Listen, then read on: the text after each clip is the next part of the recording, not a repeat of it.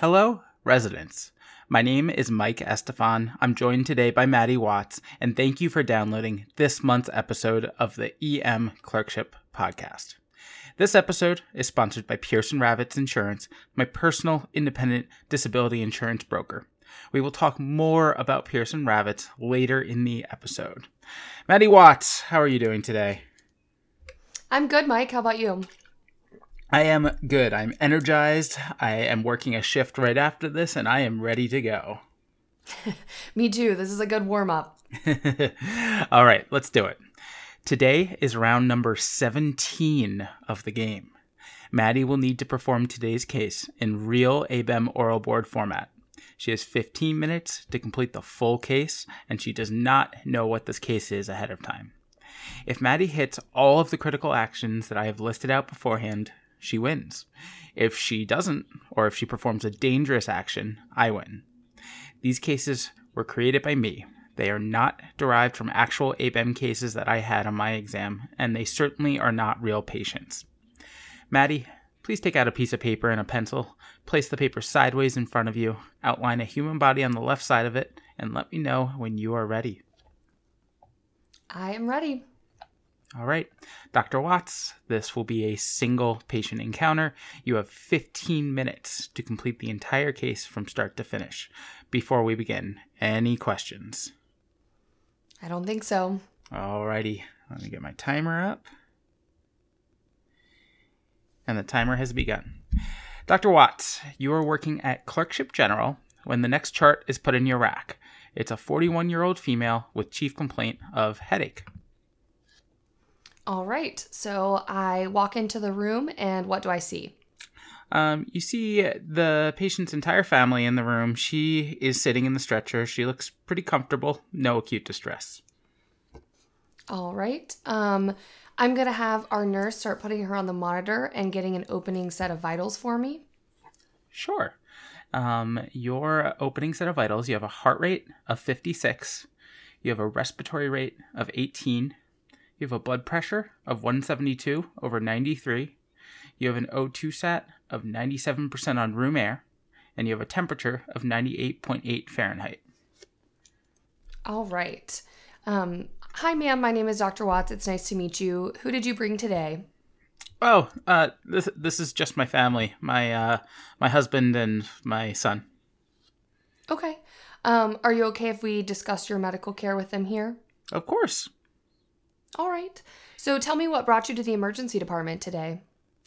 Um, well, I got this headache. I woke up with it three days ago, and you know, everyone gets headaches. I, I, didn't really think too much of it, but this one's just not going away. It's it's been getting worse and worse every day, and you know, today it got pretty unbearable. So I, I figured I better make sure everything's okay. All right. And you mentioned everyone gets headaches. Do you get headaches frequently, or this is fairly uncommon for you? I, I get headaches from time to time, but you know they they last a couple hours. I take some ibuprofen and they're gone. Ibuprofen's not touching this one. All right. And you said it started three days ago. Has it been constant or intermittent? It's been pretty constant. Okay. And was it most severe at onset or it's been gradually worsening since it started? It's been worsening since it started. All right. Can you describe the headache to me? Uh, it just kind of hurts all over. It feels like my head is throbbing or pounding. Okay. Any other symptoms like vision changes, nausea, vomiting, neck pain? Um, yeah, actually, now that you mention it, today I noticed my vision was a little blurry. It wasn't like that the past two days. Um, I've had some nausea, but I haven't vomited, and my neck does not hurt. Okay. Um, and when you say blurry vision, it's both eyes that are affected? I think so. Everything's just kind of fuzzy. Okay. And you've been otherwise feeling well, no cough, cold symptoms, fevers? Yeah, I, am feeling how I should be. Okay. Um, do you have any medical history? Yes, I have a history of type 1 diabetes and a history of atrial fibrillation. Okay. Are you on any blood thinners for your atrial fibrillation? I am not. My doctor said I was healthy enough that I didn't need to be on blood thinners. Okay.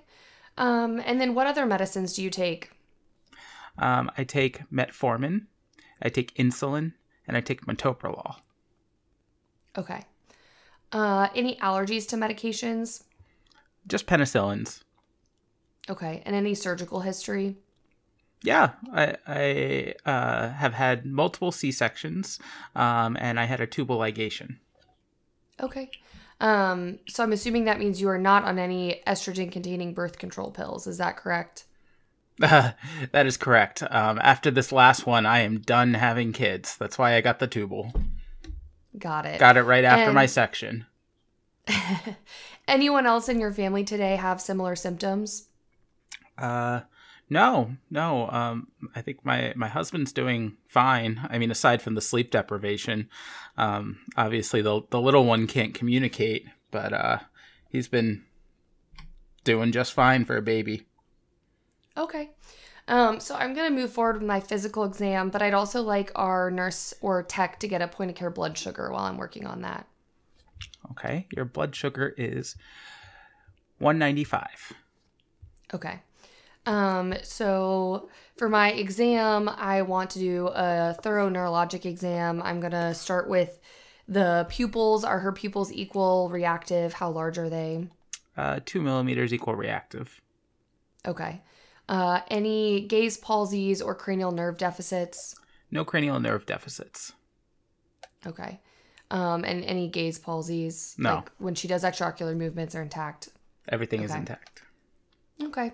Um, I test her upper and lower extremity strength and sensation. Any abnormalities? No abnormalities. Equal strength. Okay.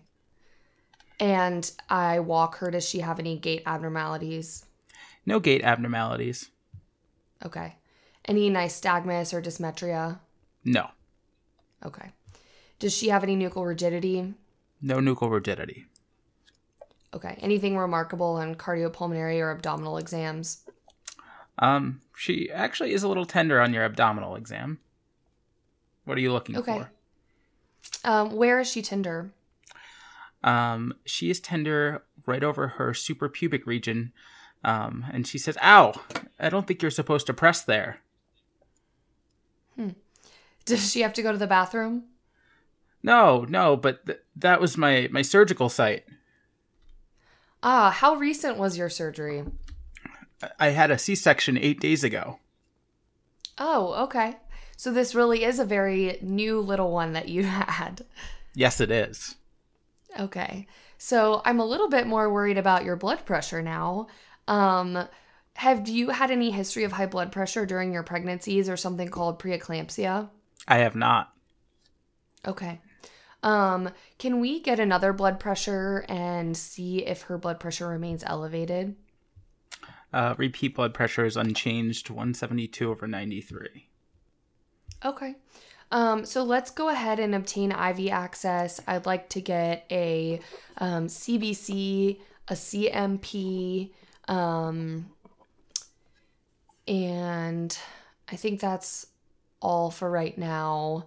Um, and then I would like to give her something for her blood pressure. So if we can get IV access rapidly, I would give her uh, 10 of labetalol, and then we can reassess our blood pressure after that. Okay, well, so the nurse uh, goes and she's successful at getting IV access and drew labs off of that, but immediately after the IV was placed, the patient starts having a seizure. All right, so um, let's go ahead and give magnesium. Um, let's give two grams push through the IV that we have. Okay, two grams push. All right, that was given. Any improvement in her seizure activity? Um, yeah, she seems to have stopped. Okay. Um, and then can we repeat a blood pressure? Uh, repeat blood pressure is now 190 over 100. Okay. Um, let's give 20 milligrams of labetalol IV. 20 milligrams of labetalol. Okay. All right. The nurse, the nurse just wants to double check. You're sure, doc? 20 milligrams. Yes. Okay. 20 milligrams of labetalol has been given.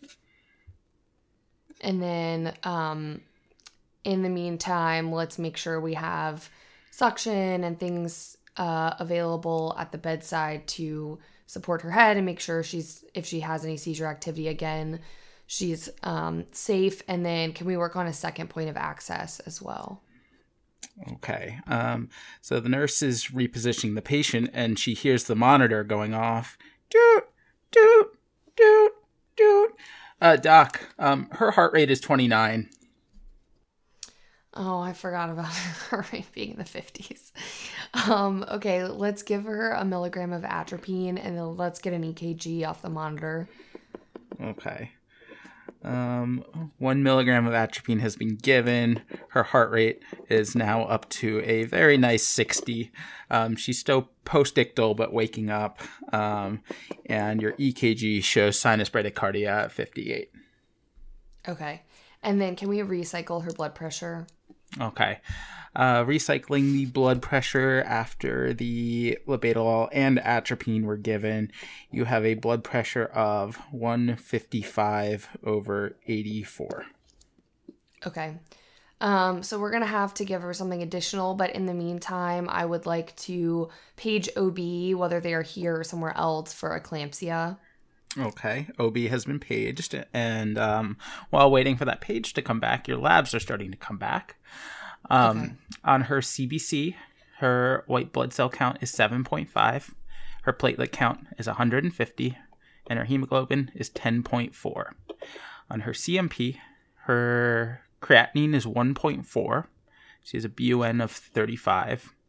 Her glucose is 234 and everything else is normal, including her bicarb and her LFTs and bili. Okay. Um all right. So, in terms of her blood pressure, it was 150s systolic. Can you repeat the blood pressure? Yeah, the most recent one was 155 over 84. Okay, and what was her most recent heart rate? Um 60. Okay. Um so we can give her 10 of hydralazine this time. Okay, 10 of hydralazine is given. And then we'll recheck her blood pressure in 10 to 15 minutes. Okay. Uh, the nurse has scheduled the cuff to go off in 10 to 15 minutes. Um, and it looks like OB is calling. Ring, ring, ring, ring. This is Dr. OB. Hey, Dr. OB, thanks for calling. I have a woman here who is uh, eight days postpartum from a C section. She had no history of hypertension or eclampsia during her pregnancy, but she came in with blood pressures in the 190 systolic um, and elevated diastolics, and she had a brief seizure activity here that resolved with magnesium. I initially gave her some labetalol, but her heart rate was prohibitive from um, using that. So I've given her some hydralazine. Our last blood pressure was 150 systolic, but I think she's going to need to be admitted for further monitoring and blood pressure control. Um, other than that, her labs don't show any signs of um, severe coagulopathy. She does have a slight AKI, but um, her LFTs are normal, and otherwise, her labs are not super concerning. Okay, so you said her her coags were normal. Uh, I did not get coags, but I will add those on. Okay. Um, coags. Her platelets were on. 150, um, but I'll add a fibrinogen and PT PTT. Okay. And how much magnesium did you give? I gave her two grams um, IV push during her seizure.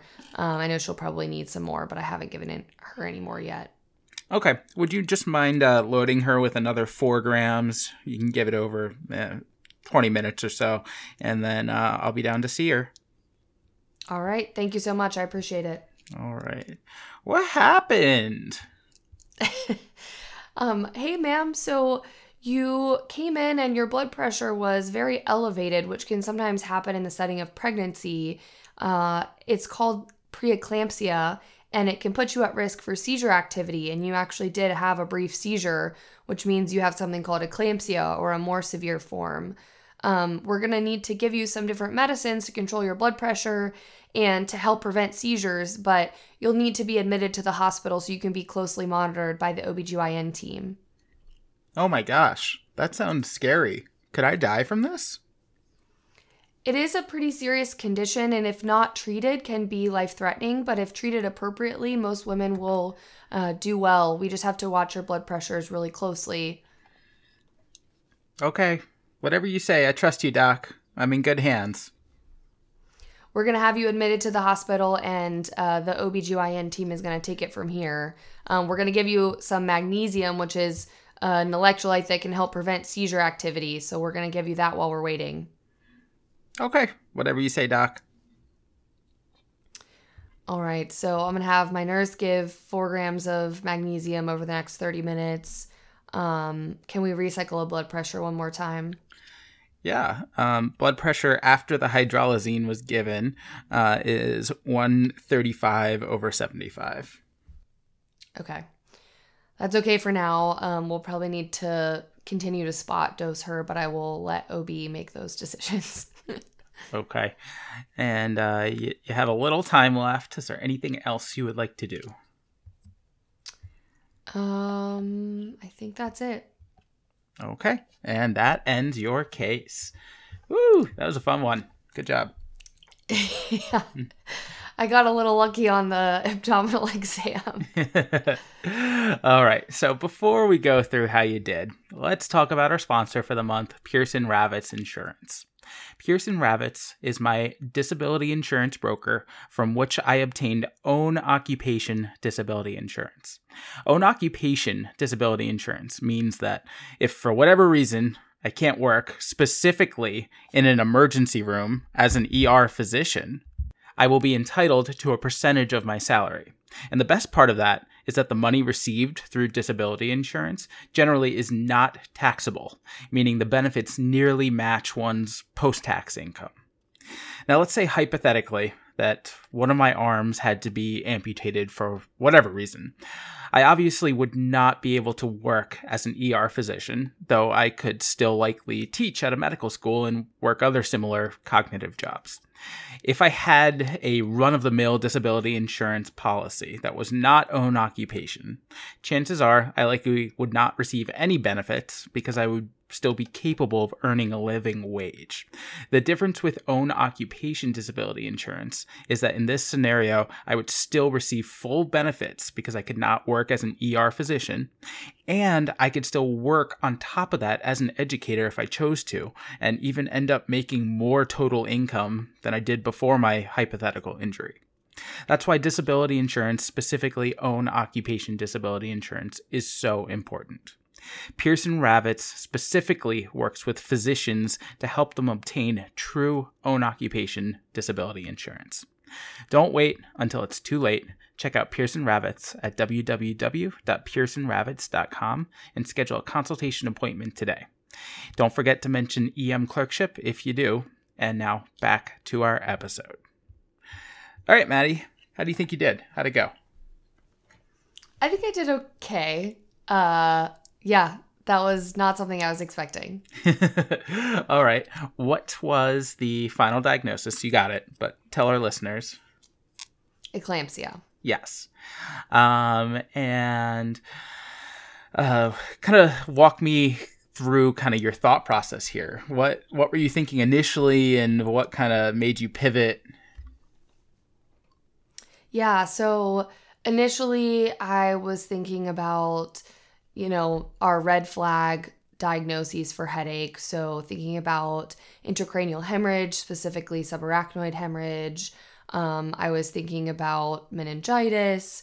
Um, when she said that she had atrial fibrillation on blood thinners, that was also making me think of hemorrhage. Uh, it seemed like it was a more gradual onset headache. So I was also thinking about CVST because she was recently pregnant. Ironically, I thought about that more frequently than I did about uh, preeclampsia. And then I realized just how recently she had been pregnant, and that kind of made things click in with the hypertension. Um, also, would be unusual if she's saying that she has no history of hypertension at 41 to have a blood pressure that high. So that probably should have keyed me off even earlier. Yeah, good. Um, do you know how far out after giving birth you can have preeclampsia? Do you know what the kind of cutoff I'm, is? pretty sure six weeks. Yeah, yeah, it's exactly six weeks. Um, so preeclampsia, you know, it has to be after 20 weeks gestation, usually in the third trimester, uh, close to delivery. Um, postpartum preeclampsia is most common in the first week, by far the most the first week after delivery. Um, but it can go up to six weeks, and I, I've seen a case of postpartum preeclampsia as well. And you know, this is sneaky, you know, because a lot of the time, you know, you the patient's not pregnant, so you're not even thinking about this diagnosis, which was the case in this case. Yeah. Yeah, it's definitely tricky. And, you know, sometimes they have the newborn with them, other times they don't. And they don't know to connect those things together. So you really have to be uh, cognizant of it and ask when exactly their pregnancy was. Exactly.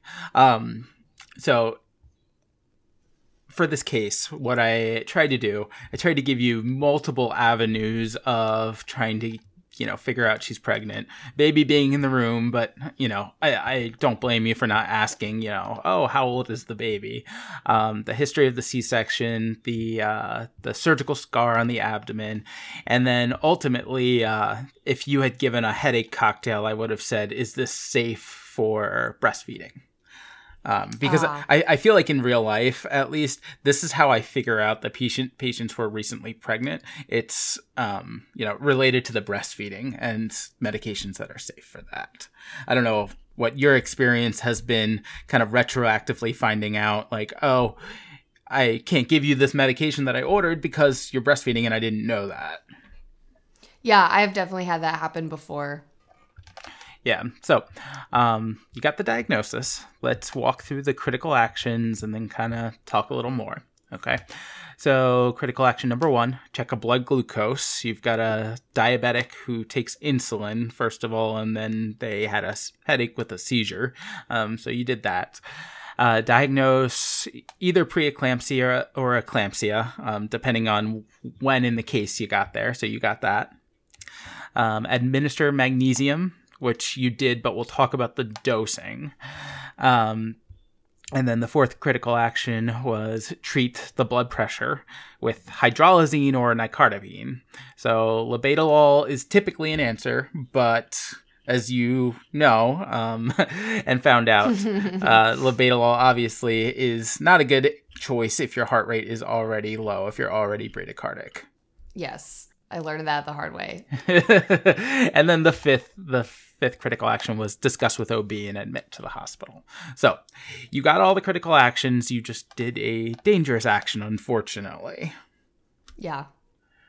Um, yeah, in my head, I was thinking about it because I knew labetalol and I was going back and forth about Cardene. I was like, I think that's because they I couldn't think of Procardia. I was like, what's the one that they always love to give orally? and I'm pretty sure it's the same. And then, of course, under the stress of being on the spot, I was like, well, I know labetalol is fine, and I completely forgot about the heart rate. So, and yeah. that that's how that's how these cases are tough. Like, you would be in the room, and like it would be pretty obvious to you that you couldn't give labetalol. And if it wasn't, your nurse would definitely say so. Like th- there's yeah. multiple avenues where you're protected here. Whereas on these cases, it's just these little details that mess people up. It's not it's not medical knowledge. It's not the big things. It's these tiny, tiny little details, um, and that's what makes these so difficult.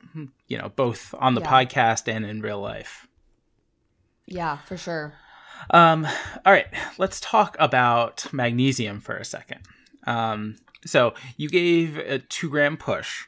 Um, typically, the the recommendation if a patient is, uh, you know, if you're diagnosing them with preeclampsia or eclampsia, typically the recommendation is about four to six grams over 15 minutes. Um, so not like a straight push, but a pretty pretty brisk uh, infusion or a slow push.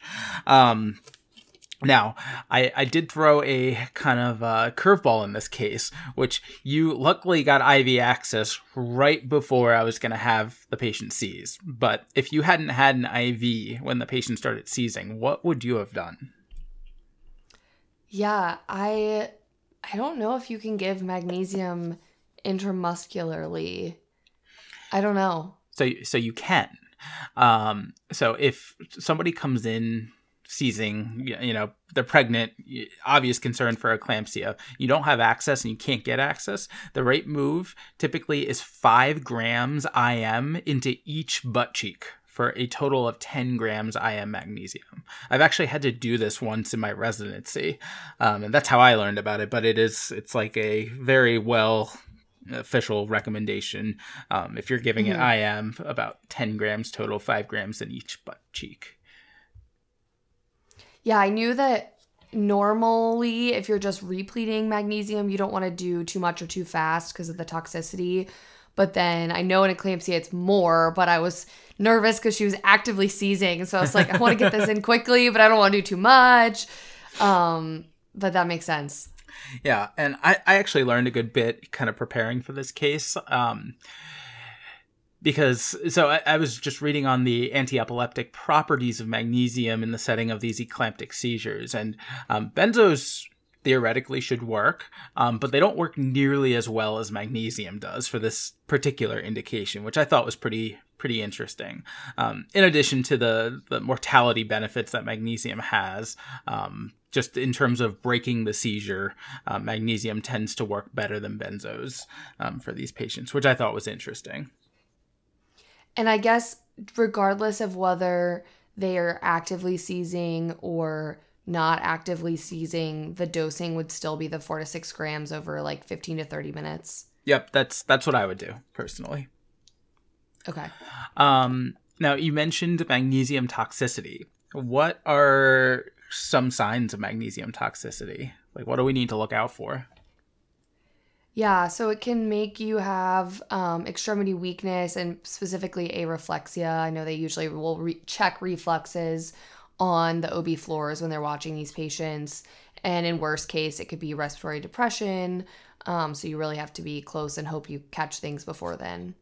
Yeah, you nailed it. Um, typically, there's a, a dose response curve with the toxicity, um, which is why we check these patients who are getting these this buttload of magnesium for their their reflexes, um, because almost universally patients will lose their reflexes before they start um, suffering from respiratory depression, and ultimately, if you know your magnesium levels get way too high, it can even just straight up cause cardiac arrest. Um, but again, um, that's why we check for reflexes. So, um, let's see, we talked about that. Um, oh, I got another theoretical question for you, and this is this is more of a read my mind question. So, no sweat it if you don't know the answer. But can you think of one thing that you would have done differently if this patient was having the seizure in front of you, but instead of being postpartum eclampsia, they're eclamptic and pregnant? They're, you know, in their third trimester and they just start seizing in front of you. Oh. Um I'm trying to think. I'm wondering, is it like where you roll the belly off of the IVC? Yeah. So you like roll them on their left. Yeah, exactly. Left lateral decubitus. Um, pretty much any scenario with a uh, woman who is has a gravid uterus, um, they're you know the pathophysiology is going to benefit from having them in the left lateral decubitus. It increases cardiac output, um, both for mom and the fetus, and specifically when you're having a seizure. Right, the the concern is maternal and fetal hypoxia right? So just mm-hmm. having as much cardiac output as possible for the suboptimally oxygenated blood is going to be your best bet. But obviously, this patient was not pregnant, so we could not do this maneuver. But yeah, in the setting of trauma, in the setting of syncope, in the setting of, you know, seps, like anything really, left lateral decubitus is the way to go. Yeah, that makes sense. Good pearl. Um, okay. I think we kind of covered everything I wanted to discuss. Is there any, do you have any other thoughts? Anything else you wanted to bring up? I don't think so. Okay. Well, that's all I got for y'all today. Thanks for tuning in. As always, we love to hear from you. And I'm going to start doing something a little new. So I'm going to start looking out for listeners' questions after the case. You can send them to our email and choosing a question or two to answer on the subsequent deep dive, if there are good ones to answer. So if you have any questions about the case or the topic at hand, please reach out. Feedback and suggestions for Maddie, me, Zach are also all welcome. My email is mike at emclerkship.com. And my email is maddie at emclerkship.com. And don't forget about Zack. He's still working hard in the background. His email is zack at emclerkship.com. And until next time, keep working hard, keep studying, and be sure to enjoy your shift.